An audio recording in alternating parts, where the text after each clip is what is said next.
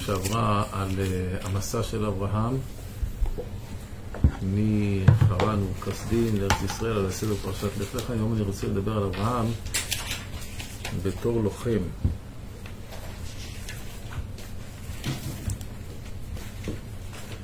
ולשאול, אנחנו רואים כאן בארבעה מלכים שהם אה, מלכי אה, המלכים הגדולים של אה, נהר פרת, פרת וחידקל, מלך אשור,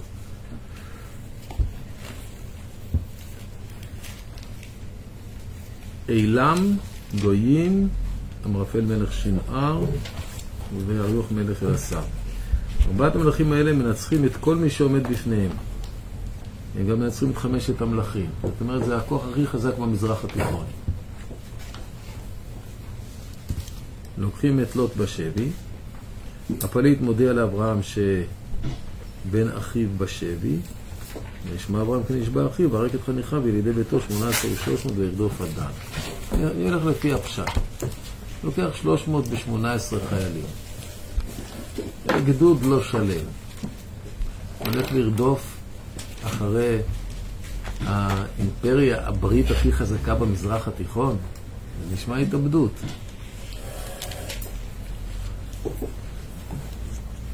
אם נלך לפי מדרש חז"ל, זה יישמע עוד יותר תמוה. מה זה אה, וירק את חניכיו?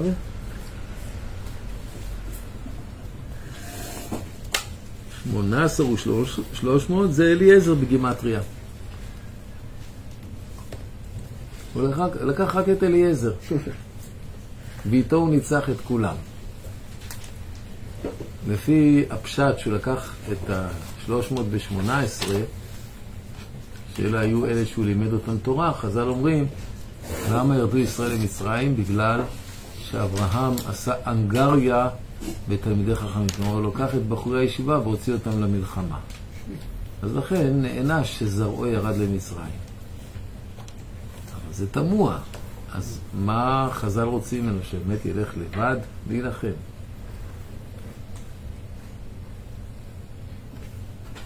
אין סומכים על הנס.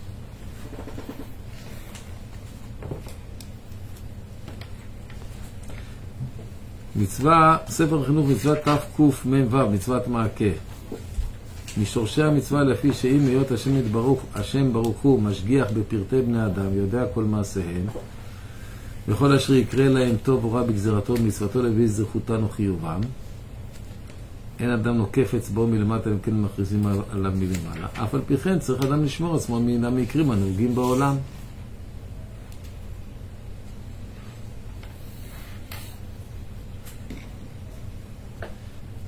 כי כן חייבה חוכמתו מצד שהוא בעל חומר. צבאו לשמור מן המקרה, כי הטבע שהוא מסור בידו יעשה פעולתו עליו, אם לא ישמור ממנו. אז לכן צריך לעשות מעקה ולא להגיד הקדוש ברוך הוא שומר עליי.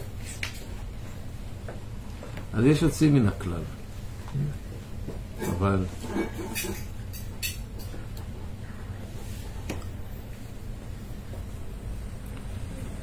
אבל, אבל הדבר קשה. המשכילים שרצו להתלוצץ מלומדי התורה, אז עשו בדיחה על אה, מדרש חז"ל. הם אמרו, אברהם הלך לרדוף, עשו בדיחה מזה. מה היה הבדיחה? אמרו, אברהם הלך לרדוף אחרי ארבעה חמישים. הגיע וראה אותה מלמעלה, אז כמובן, יש, אה, יש שמש, שמש. שמש אומר, מי שברך אבותינו אברהם יצחק ויעקב יברך את אברהם אבינו בעבור שיעלה וייתן, ביידיש תגיד בשוס, ייתן ירייה. יעמוד. אברהם אבינו עומד, ידגי בשוס, נותן ירייה. עכשיו צריך מישהו שני שייתן ירייה. עושים מי שברך, ואליעזר עומד, ונותן נוחשוס, עוד ירייה. וכולם בורחים. עשו איזה סוג כזה של הצגה, זה מה שנקרא לעשות צחוקים מהמדרש חז"ל. אבל מאחורי הצחוקים עומדת השאלה באמת, מה, מה חז"ל רוצים מאברהם אבינו?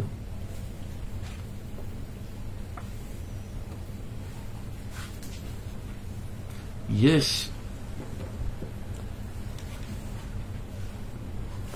יש ספר שנקרא מספיק לעובדי השם, זה ספר מוסר שחיבר רבי אברהם בן הרמב"ם על המידות השונות. במידת הביטחון הוא כותב שמידת הביטחון שאדם צריך לנקוט בה היא תלויה לפי מדרגתו של האדם.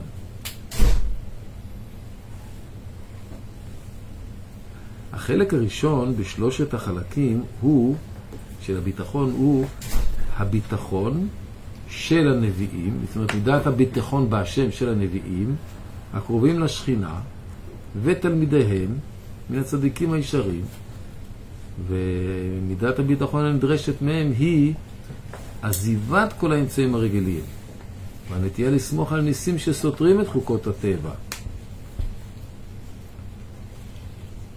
ביטחון כזה היה ליונתן בן שאול בעלותו על חיל פלישתים, שהוא עלה עליהם לבד. ביטחון כזה הוא ביטחון בניסים ייתכן רק בזכות רוח הקודש ובמצוות אלוהים.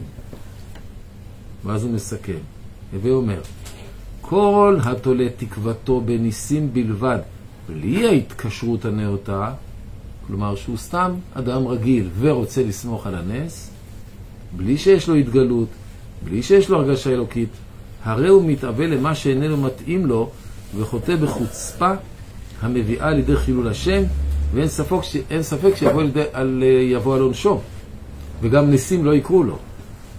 מצד שני, מי שנמצא במדרגה הזו של רוח הקודש, אדרבה, הוא צריך לסמוך על הנס.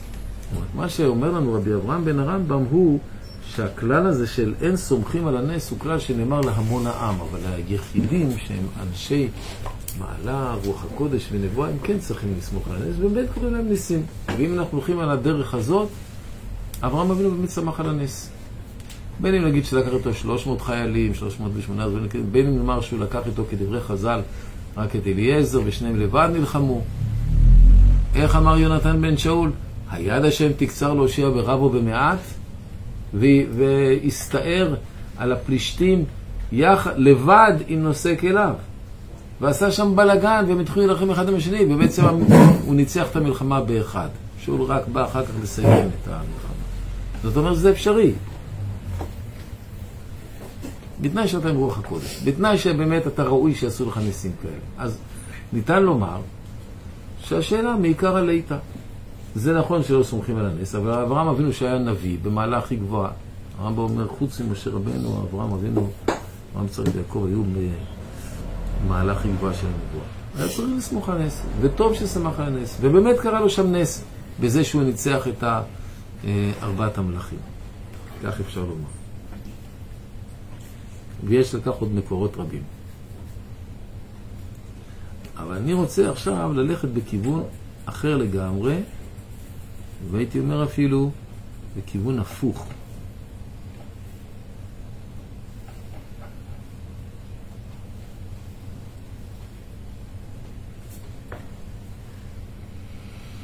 וישמע אברהם כי נשבע אחיו וירק את חניכיו ילידי ביתו שמונה עשר ושלוש מאות וירדוף אדם. מה זה וירק את חניכיו? מה זה חניכים? תלמידים. תלמידים. למה הם היו תלמידים? לפי דרשת חז"ל היו לתורה. אומר אה, תרגום יונתן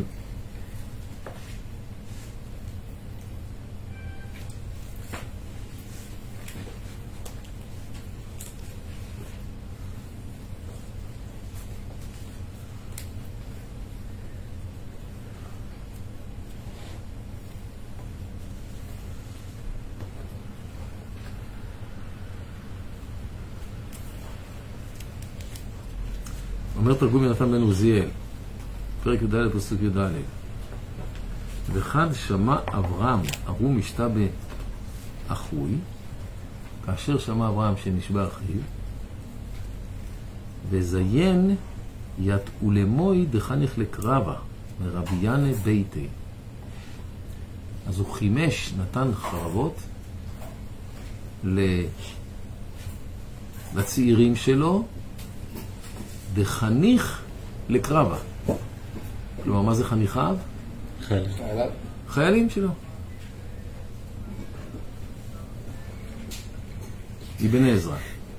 עכשיו אני קורא לכם עזרא. וירק, שנתן להם כלי מלחמה. כמו שנאמר, והרק חנית. יש אומרים להוציא החרב מתארה. חניכיו, שחינכם פעמים רבות במלחמה. אז אבן עזרא הולך בפשט ואומר, מה זה היה לו? 318. זה יחידת עילית, שהוא פשוט אימן אותם למלחמה. בריאליה של המציאות זה מאוד הגיוני. כי אם אנחנו שומעים, הכתוב אומר שאברהם כבד בכסף ובזהב, זה טרף קל לכל השודדים שבדרך. מי שמר עליו? אין אני, למי לי?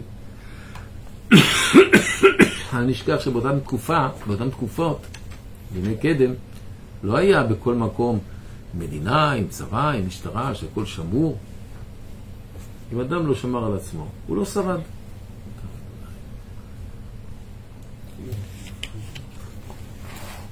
אברהם שוטט בכל המזרח התיכון.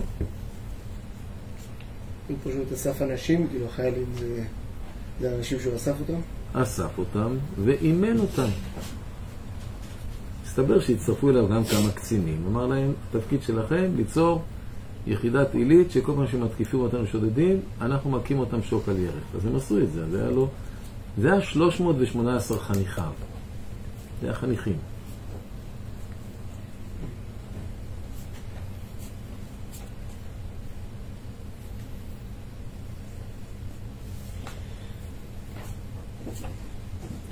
אני חושב גם כן שאלה היחידת העילית, אבל היו, גם השאר ידעו, ידעו להכניס, להחזיק בחנית וחרב. כבר דיברנו על אברהם אבינו שהמחנה שלו היה מחנה גדול. נכון? הבאנו את הרמב"ם, שבמחנה של אברהם היו אלפים ורבבות. עשרות אלפי אנשים. למה אני אומר את זה? כי כתוב כאן ויבוא הפליט ויגד לאברהם העברי והוא שוכן באלוני ממרא האמורי, אחי אשכול ואחי ענר, והם בעלי ברית אברהם. מה זה בעלי ברית אברהם? אם אברהם יחיד, ברית לא עושים עם שכנים, ברית עושים רק כוח עם כוח. כנראה שהיה להם כוח. ננסה לברר את זה בהמשך. פסוק ט"ו הוא רודף עד דן, ויחלק עליהם לילה ובעבדה, ויקם וירדפם עד חובה אשר משמאל לדמשק.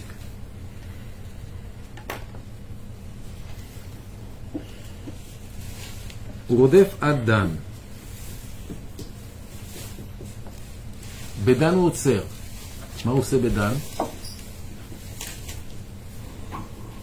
זה נקרא נקודת היערכות לפני מלחמה.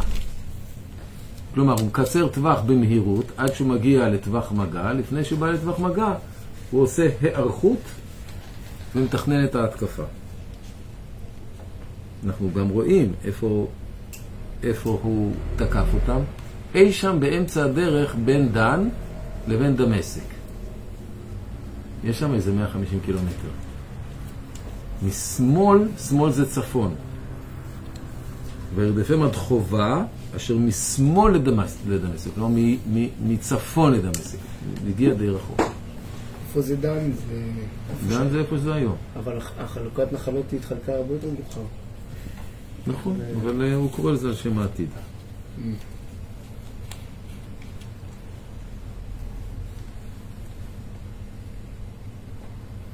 פסוק ט"ו, ויחלק עליהם לילה. מה זה ויחלק עליהם לילה?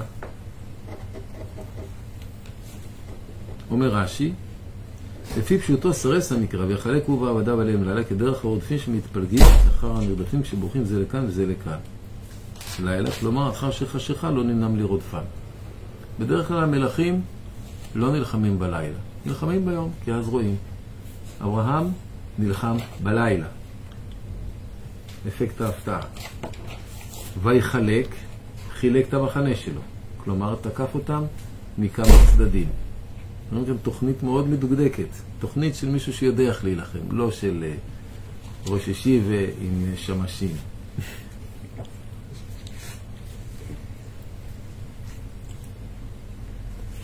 אומר הרמב"ן, הנכון כי רדף אותם ביום עד דן עם כל מחנהו, כאשר חשך עליהם הלילה ולא היה רואה איזה דרך, אשר יברחו והחלק עמו ועבד, ועבדיו לשניים ושלושה ראשים, ותקפו אותם מכמה כיוונים כדי שהם בוודאות ימצאו אותם ויכו אותם. רבנו בחיי, בחלק עליהם לילה, כלומר שהחשיך, ואף על פי כן לא נמנע מלרודפם עד חצי הלילה. אז הוא תקף בחצות. חצות, זה אומר כבר שש שעות אחרי שהשמש שקעה. למה בחצות? כבר ישנים. אז לא רק אלמנט ההפתעה, לא רק לילה, אלא גם בזמן שהם ישנים. במדרש אמר לו הקדוש ברוך הוא לאברהם, טרלת בשונאי מחצות הלילה עד בוקר, חייך אני ארוג בשונאי, בשונאי מחצות הלילה עד הבוקר. בחצות הלילה נצא לתוך מצרים.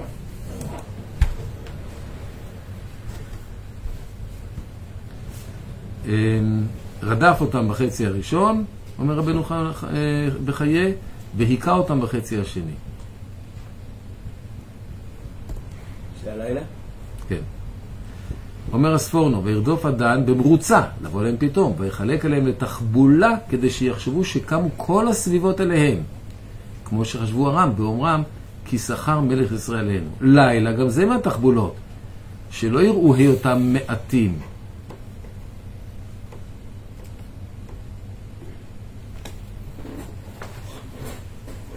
עכשיו חזקוני. אשר משמאל לדמשק. למה הוא היכה ורדף אותם עד חובה אשר משמאל לדמשק? אומר חזקוני, שם היו דרים בני משפחתו של אליעזר, כמו שתרגם אונקלוס, הוא דמשק אליעזר, והם סייעו לאברהם בגינו של אליעזר. אתם מבינים מה קורה כאן? לפי הספורנו? תוקפים את ארבעת המלכים באמצע הלילה מצפון ומדרום, תנועת מלקחיים. מה זה, מי בא מצפון? דמשק אליעזר. דמשק אליעזר, אליעזר היה נסיך שהצטרף אל אברהם מדמשק, מארם. אז כל השבט שלו, הממלכה שלו, הוא שלח שליחים ואמר בואו תצטרפו, והם הצטרפו. יש כאן עוד כוח. מי הכוח הזה? אברהם. אמרנו, שני כוחות, אחד מדרום, אברהם, ואחד מצפון, בני שבטו, משפחתו של אליעזר. לא הפוך? מה? לא הפוך, אם זה מצפון לדמשק, אז אנשים מדמשק הגיעו מדרום, לא? מצפון הם הגיעו, המלכים היו בין, דם, בין דם, דן לדמשק. אז מכיוון דמשק, מסוריה, בא הכוח של אליעזר, ואברהם בא מלמטה, מלקחיים. אבל יש כאן עוד כוח. לא. לילה? לא. לילה. לוט ואנשיו, לא. לא, לילה זה תכסיס, אבל איזה כוח היה כאן? מה? לא. כוח. לוט מבפנים. לוט היה שבוי, קשור. לא, היה שבוי, קשור. אה, מי לא, הוא ברח. בכלל. מה? מי שעשו איתם ברית. שהם, שני המלכים ה... לא מלכים, האחים. מלאכים. נו, זה כתוב בפנים. הנר, אשכול. וממרא. בואו ננסה להתחקות. אחרי מוצא. לא, הם נלחמו, הם גם כן לקחו מהשלל. אה, הם היו אברהם. עם אברהם, כן. אבל מי הם? אמרנו שאם כורתים ברית עם מישהו, סימן שהוא מישהו חזק. אתה לא כורת ברית עם השכן שלך, כי מה זה יעזור לך? אז מי היו הנר, אשכול וממרא? יש לנו עוד ידיעה, הם גרו בחברון. מי היו הדרים בחברון? ענקים. מה? ענקים. לא, ענקים זה אנחנו יודעים, אבל אנחנו לא יודעים שהנר, אשכול וממרא היו ענקים. מאיזה אומה הם היו? חיטים. נכון. איך אנחנו יודעים שהיו החיטים? נכון. מה? עפרון החיתי. כששרה נפטרת, כששרה מתה, אברהם הולך ל- למצוא לה קבר.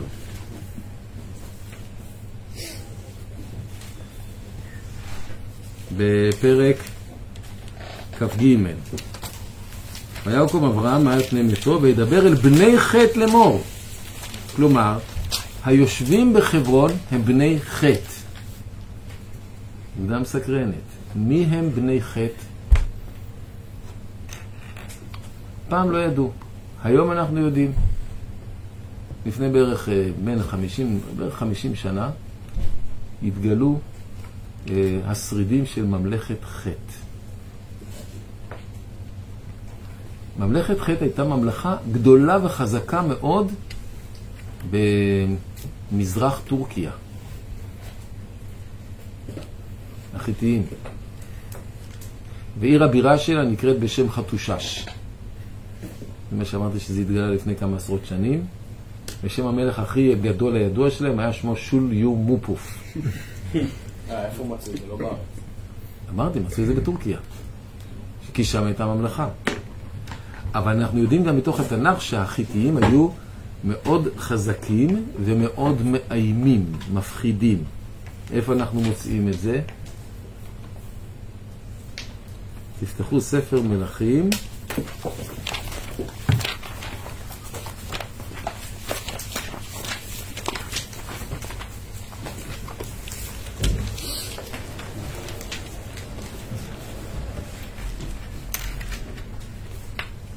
ב', פרק ז', הסיפור של המצור של אה, ארם, מחנה ארם, על, אה, ממל... על אה, עיר הבירה שומרון. הם הגיעו למצב שהם היו ברעב נוראי, ואלישע ניבא להם שמחר יהיה שפע גדול, מחר שאה סולת בשקל ושעתיים שעורים בשקל בשער שומרון. וכיצד זה קרה? פרק ז', פסוק ו' ואדוני השמיע את מחנה ארם כל רכב, כל סוס, כל חיל גדול. ויאמרו איש אל אחיו, הנה שכר עלינו מלך ישראל את מלכי החיטים ואת מלכי מצרים לבוא עלינו. זה כוח כל כך גדול שברגע שהם חושבים, מדמיינים, פוחדים שאלה באים עליהם, הם פשוט מתים מפחד ובורחים, רק מורידים את הנעליים כדי שיוכלו לברוח יותר מהר.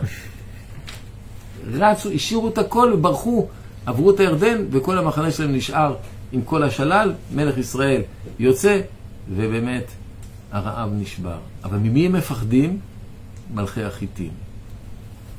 אנחנו עושים אחד ועוד אחד. הנר, אשכול וממרא הם החיטים. לממלכת החיטים הגדולה שבטורקיה, של ימינו, היה עיר שבה הם גרו, נסיכים ממנה, בחברון. איתם כורת אברהם ברית. מתקבל על הדעת שהוא כרת עם הנר אשכול וממרא שהיו נסיכים חיתיים ברית, בדרך כשהוא עלה בעקבות הפרט, הגיע באמת עד לממלכה החיתית, כל הברך, ושם הסתובב והתחיל לרדת לכיוון ארץ ישראל. זה דרך הים. הוא כוח גדול, עשרות אלפי אנשים, הם כוח גדול, יש מקום לברית. מגיעים מחברון אבל? מה? מגיעים מחברון או ממזרח טורקיה? אז עכשיו אברהם נמצא בחברון, הוא שומע. מה הוא אומר לנר אשכול וממרא? חברים יקרים, ברית זה ברית. אני הולך עכשיו להתאבד. אני נלחם כנגד האימפריה החזקה ביותר, ואתם עוזרים לי. אבל הוא לא נלחם ומשליך נפשו מנגד וסומך על הנס, כפי שהסברנו בהסבר הראשון. הוא מתכנן את המלחמה עד הפרטים האחרונים. מתכנן קרב שבו כשהוא מנצח, הוא מנצח בוודאות. איך הוא עושה את זה? הוא בא מצד צפון. הוא מארגן כוח גדול שיתקוף אותם מצד מזרח. דמשק אליעזר. מארגן כוח עוד יותר גדול שיתקוף אותם מצד צפון מערב. מלכי החיטים. בבת אחת תוקפים אותם, את ארבעת המלכים, מכל שלושת הצדדים, ועוד באמצע הלילה, ומוחקים אותם. אז אברהם לא הולך סתם. אברהם, מה שאנחנו קוראים כאן, 318 חניכים שהוא חינך אותם לקרב, הוא בעצמו ידע מתכנן קרב, הוא היה מצביא, הוא היה אסטרטג, והוא בנה את המלחמה הזאת בצורה שאף אחד לא יכול לעמוד כנגדו. הוא לא שמח על הנס, הוא שמח על הקדוש ברוך הוא, עשה את כל ההכנות הנדרשות כדי לנצח, ולכן הוא ניצח. וזה מוביל אותנו לתוצאה שעליה דיברנו בפעם שעברה. מה התוצאה? נמחקו כל החיילים, והוא לא ריחם. זה מדהים, כי אברהם אבינו כולו מידת החסד, ופתאום נדרשת ממנו מידת הדין. הוא לא ריחם. וגם החיילים שלו לא ריחמו. וגם החיתיים לא ריחמו. וגם הסורים, הדמסקאים של אליעזר, לא ריחמו. הם הרגו את כולם. מה התוצאה? מי היה מארגן? מי היה אסטרטג? מי הוביל את כל המלחמה? אברהם. מי הופך להיות מלך? אברהם. של איזה אזור הוא הופך להיות מלך? של כל השר הפורה, של כל המזרח התיכון. וזה מוביל אותנו למה שדיברנו פעם שעברה, שבגלל זה הוא באמת עזב את ארץ ישראל וחזר לאורקסדין. ועכשיו הוא מממש את כל החזון הרוחני, האמוני, הדתי שלו, להחזיר את כל העולם בתשובה. הוא יכול, הוא עכשיו מלך. וזה המהלך שדיברנו עליו בפעם שעברה.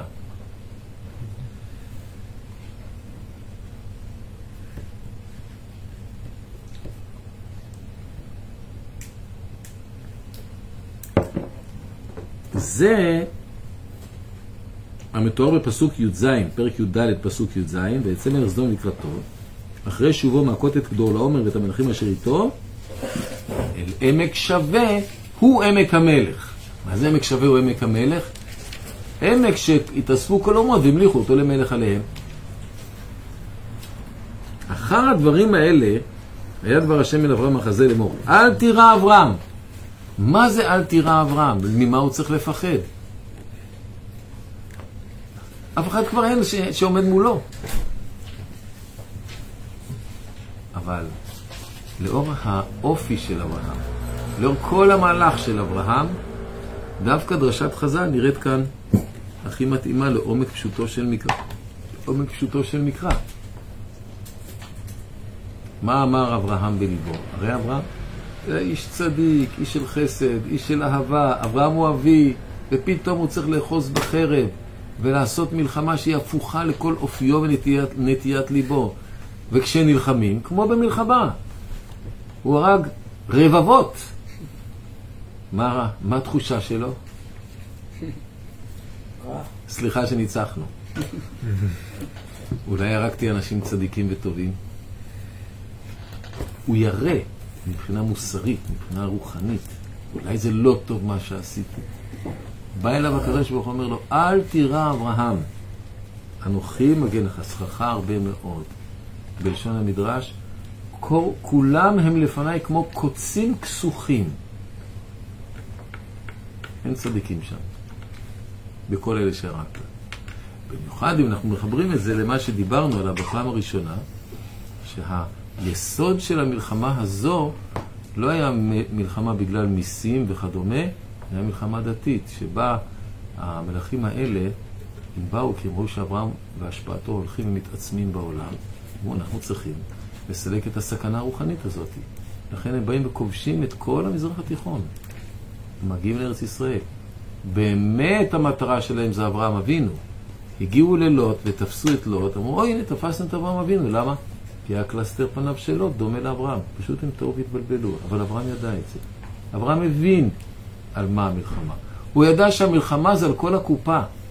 למרות שפעם אחת, הפעם הראשונה שהוא נאבק הוא היה בודד, זרקו אותו לרק למשל ונעשה לו נס, הפעם הוא אמר, את ההזדמנות הזאת אני לא נותן להם בשנית. בפעם נלחמים על אמת, בפעם הם ידם הייתה על התחתונה. אז אה, כאן אנחנו רואים בעצם את ההשלמה לאופי של אברהם.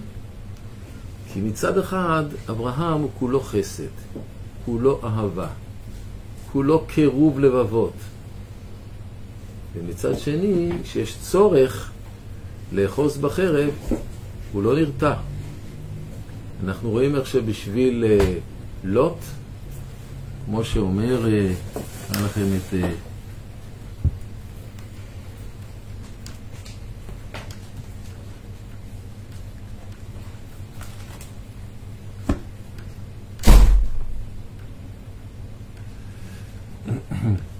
מה שאמרתי קודם. רבי לוי אמר, כפי שאבינו אברהם מתפחד ואומר, שמא תאמר אותם אוכלוסים שהרגתי היה בהם צדיק אחד וירא שמיים אחד. משל אחד שהיה עובר לפני פרדסו של מלך, ראה חבילה של קוצים, ירד ונטלה. הציץ המלך וראה אותו. התחיל מסתתר מפני המלך, אמר לו, למה אתה מסתתר? כמה פועלים הייתי צריך שיעקושו, שיקוששו את כל הקוצים האלה. עכשיו שקוששת אתה את הקוצים, טול שכר. אמר הקדוש ברוך הוא לאברהם, אותם אוכלוסים שהרגת, קוצים כסוכים היו. זהו שנאמר, והיו עמים משרפות קוצים.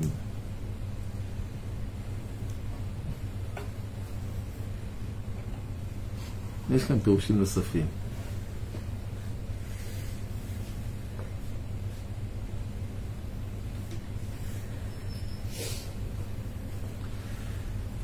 אה,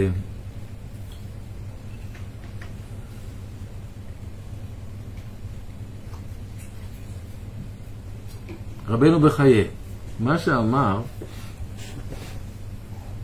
וישמע אברהם כי נשבע אחיו, והיה בנהרן אחיו, הודיענו בזה יופי מידתו ומעלתו של אברהם. כי קינא אל הדבר ופנה אל האחווה, ולא פנה אל המריבה שהייתה ביניהם. נזדרז בדבר כאילו היה אחיו ממש. למרות שהיה מריבה ביניהם. אני שוכח מריבה. אני בא ומציל. ומוסר את נפשו, באמת מצליח.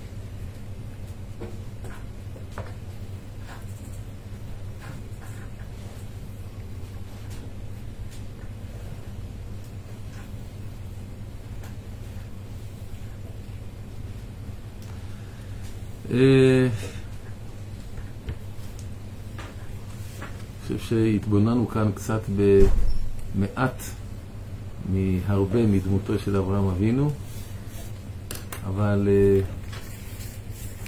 לזה די לנו, אני רק אוסיף עוד נקודה אחת. למה אברהם כל כך פחד? כי המטרה שלו הייתה לקרוא בשם השם לכל האנושות ולקרב את כולם לעבודת השם. הוא לא נלחם בשביל להציל את עם ישראל, כי עם ישראל עוד לא היה, יצחק אפילו לא נולד. הוא נלחם בשביל לוט ונלחם למען, למען השם. תוך כדי מלחמה הוא מרגיש שבעצם המגמה שלו מתהפכת. וממצב של קירוב לבבות הוא הופך להיות לכוחני, כובש, הורג. לא, לא מתאים לנטיית ליבו שהיא כולה, בלשון עדינה, פציפיזם. הוא רוצה להיות פציפיסט, הוא לא רוצה להילחם, אין ברירה, אין ברירה, אז נלחמים. לכן הוא מפחד. באיזשהו מקום אני חושב שהוא אפילו פחד מעצמו. זה אני שעשיתי את זה? הקדוש ברוך הוא אל תדאג. מזה אני רוצה לסיים. היום. דוד המלך אומר, גם כי ילך בגיא צל מוות, לא יירא רע כי אתה עמדי. דרך כלל, הפירוש הפשוט של הפסוק הזה הוא, גם כשאני הולך, ב... גם כי ילך בגיא צל מוות, מקום שמסוכן והמוות שם חוגג, אני לא מפחד שיקרה לי משהו. למה? אתה עימדי, סומך עליך, בוטח בך. הרב קוק מפרש באורות, גם כי ילד בגיא צל מוות לא אירע רע, אני לא מפחד מהרע שידבק לי. כי כשבן אדם עושה מעשים קשים ואכזריים, כשבן אדם, במרכאות, רוצח המון אנשים, יש חשש שמא הוא יהפך לסוג של קילר. וזה, אנשים שהם עדינים, הם מאוד פוחדים מזה. ודוד המלך אומר, גם כי ילך בגיא צלמה, במקום שחייבים להרוג, לא יירא רע. אני לא, למרות שאני עושה דברים שכלפי חוץ נראים מאוד מאוד רעים, אני הורג המון. דוד המלך, כשהיה במלחמה בשוונג אחד, הורג 800 איש, והיה מצטער על זה שהוא לא הורג אלף איש. אבל אתם יודעים מה זה להרוג 800 אנשים? תחשבו, זה לא שאתה יורה ב-M16 ואנשים נופלים כמו בובות במטבחים במרחק של 50-60 מטר. זה מרחק אפס, זה בית מטבחיים. חותכים ראשים וידיים ומתעופפים לכל הצדדים, ואתה מתמלא בדם. זה צריך להיות מאוד קשוח מבחינה נפשית. בלשון ימינו, איך זה נקרא? הכיבוש. משחית. אז עדיף שלא נהיה כובשים. באמת, עדיף שבכלל לא נהיה. כי אז אין שום בעיה. אבל אם אנחנו נמצאים ואנחנו חייבים להילחם, זה בעייתי. עדיף לנו שלא לשלוט על עם אחר. מאוד אפשר להבין את התחושה הזאת, את העדינות המוסרית הזאת, שאנחנו לא רוצים, אנחנו רוצים להיות טהורים נקיים. מה לעשות, אנחנו יוצאים בתוך העולם הזה, בעולם הזה יש אנשים שרוצים להרוג אותנו, אז אין ברירה. אז אם אין ברירה, ואנחנו חוזרים בחרב, אז אולי באמת זה משחית אותנו. יכול להיות שזה היה הפחד של אברהם. והקדוש ברוך הוא אל תדאג, הכל בסדר. וזה מה שדוד המלך אומר. גם כי ילך בגיא צלמוות לא יירא רע. אני לא מפחד שיתעצם בי רע מהמעשים שאני עושה. למה? כי אתה עימדי. אני לא עושה זה בשביל עצמי. אני לא עושה זה מתוך שנאה. אני לא עושה זה מתוך סדיזם. אני עושה את זה רק למען קדושת השם. כי אויביך השם אשנא ובתקוממך אתקומם. אני לא מחשיב אותם כאויביי, אני מחשיב אותם כאויביך. אני נלחם בשבילך. אני מתבטא לגמרי אליך. אז אם אני מתבטא אליך, זה כאילו לא אני, זה אתה. אני כאילו רק היד שלך שמנצחת את האויבים, לא שלי, שלך. אז לא נדבק בשום רע. לכן, לא יירא רע שיתעצם בי רע מהמעשים האלה שאני עושה, כי אתה עימדי, כי אני לגמרי לגמרי איתך. אני לא עושה שום דבר מתוך רגשות נמוכים, שפלים, של נקמה, של שאיפת רצח, של שאיפת דם. לא, אני לגמרי לגמרי לא. שאיפת גבורה, לעשות ש... אני לא שם לגמרי. כל כולי רק קודש להשם. ומילא, אם לא צריך, אני לא רוצה. צריך, עושים בדיוק מה שצריך. מילימטר לא פחות. וזה לא פוגע ולא מזיק לי. אגב, בשולי הדברים אני יכול להוסיף שעשו מחקר. כמדומני באוניברסיטת תל אביב, האם אמנם הכיבוש משחית? זאת אומרת, האם חיילים שנמצאים במצבים קשים, זה משחית להם את הנפש? וזה לא פשוט. ואני אומר לכם מניסיון, באמת זה לא פשוט. בכל מיני פעילויות מבצעיות שהייתי. פעם היינו בפעילות מבצעית ביהודה. היינו צריכים לתפוס מחבלים. אז הפלוגה שלנו הלכה לאיזשהו כפר ערבי, סגרה על בית, אנחנו נכנסים לבית, ששם לפי הידע, הידיעות המודיעיניות, היה שם, הסתתר מחבל, אנחנו דופקים בבית, ואומרים, כולם לצאת החוצה. למה? כי אם אתה רוצה להיכנס ולחפש, ויש שם סכנה של ירי, אתה לא רוצה שהם ייפגעו. אבל תחשבו לרגע, איזה הרגשה זאת, לילה קר, יורד גשם, בחברון, טמפרטורה 2-3 מעלות, ואתה מוציא את כולם עם פיג'מות החוצה. נשים, אנשים, זקנים וטף.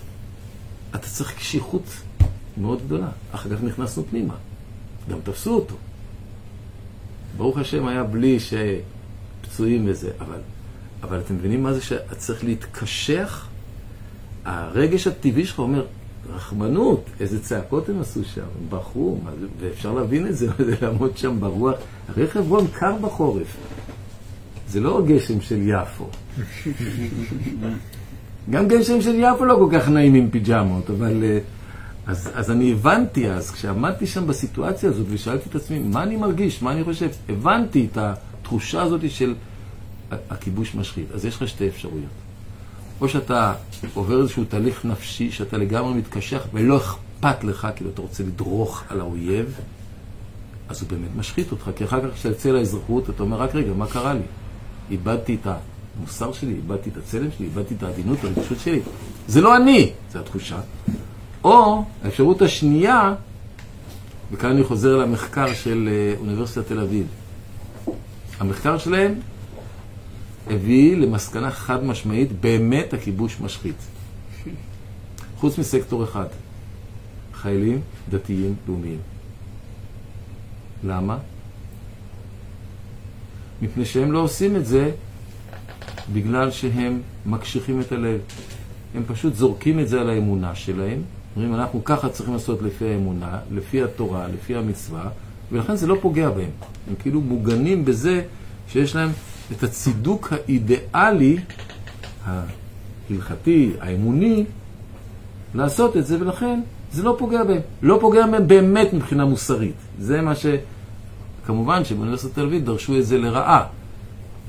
בואו, הבה ותראו עד כמה רע האידיאל הזה, התורה הזאת, שבשם האידיאל אפשר לעשות מעשים כל כך נוראים ולא לרחם על הזה. אז הם לוקחים את זה לצד השלילי. אבל אני עכשיו לא, לא, לא מתייחס לניתוח שלהם, רק לעצם הממצאים. כשאתה אחוז באידיאל, אתה לא נפגע אישית. אתה יכול להאשים את האידאל, שזה אידאל מקולקל ועקום, בסדר, זה מה שהם עשו שם, אבל הבן אדם הפרטי, זה מה שדוד המלך אומר, גם כי ילך בגיא צלמוות, לא יירא רע, כי אתה עמדי. אני עושה את זה לשם שמיים, לא, זה, זה לא אני. זה הפירוש של אה, שלוחי מצווה לא מזרקן? גם.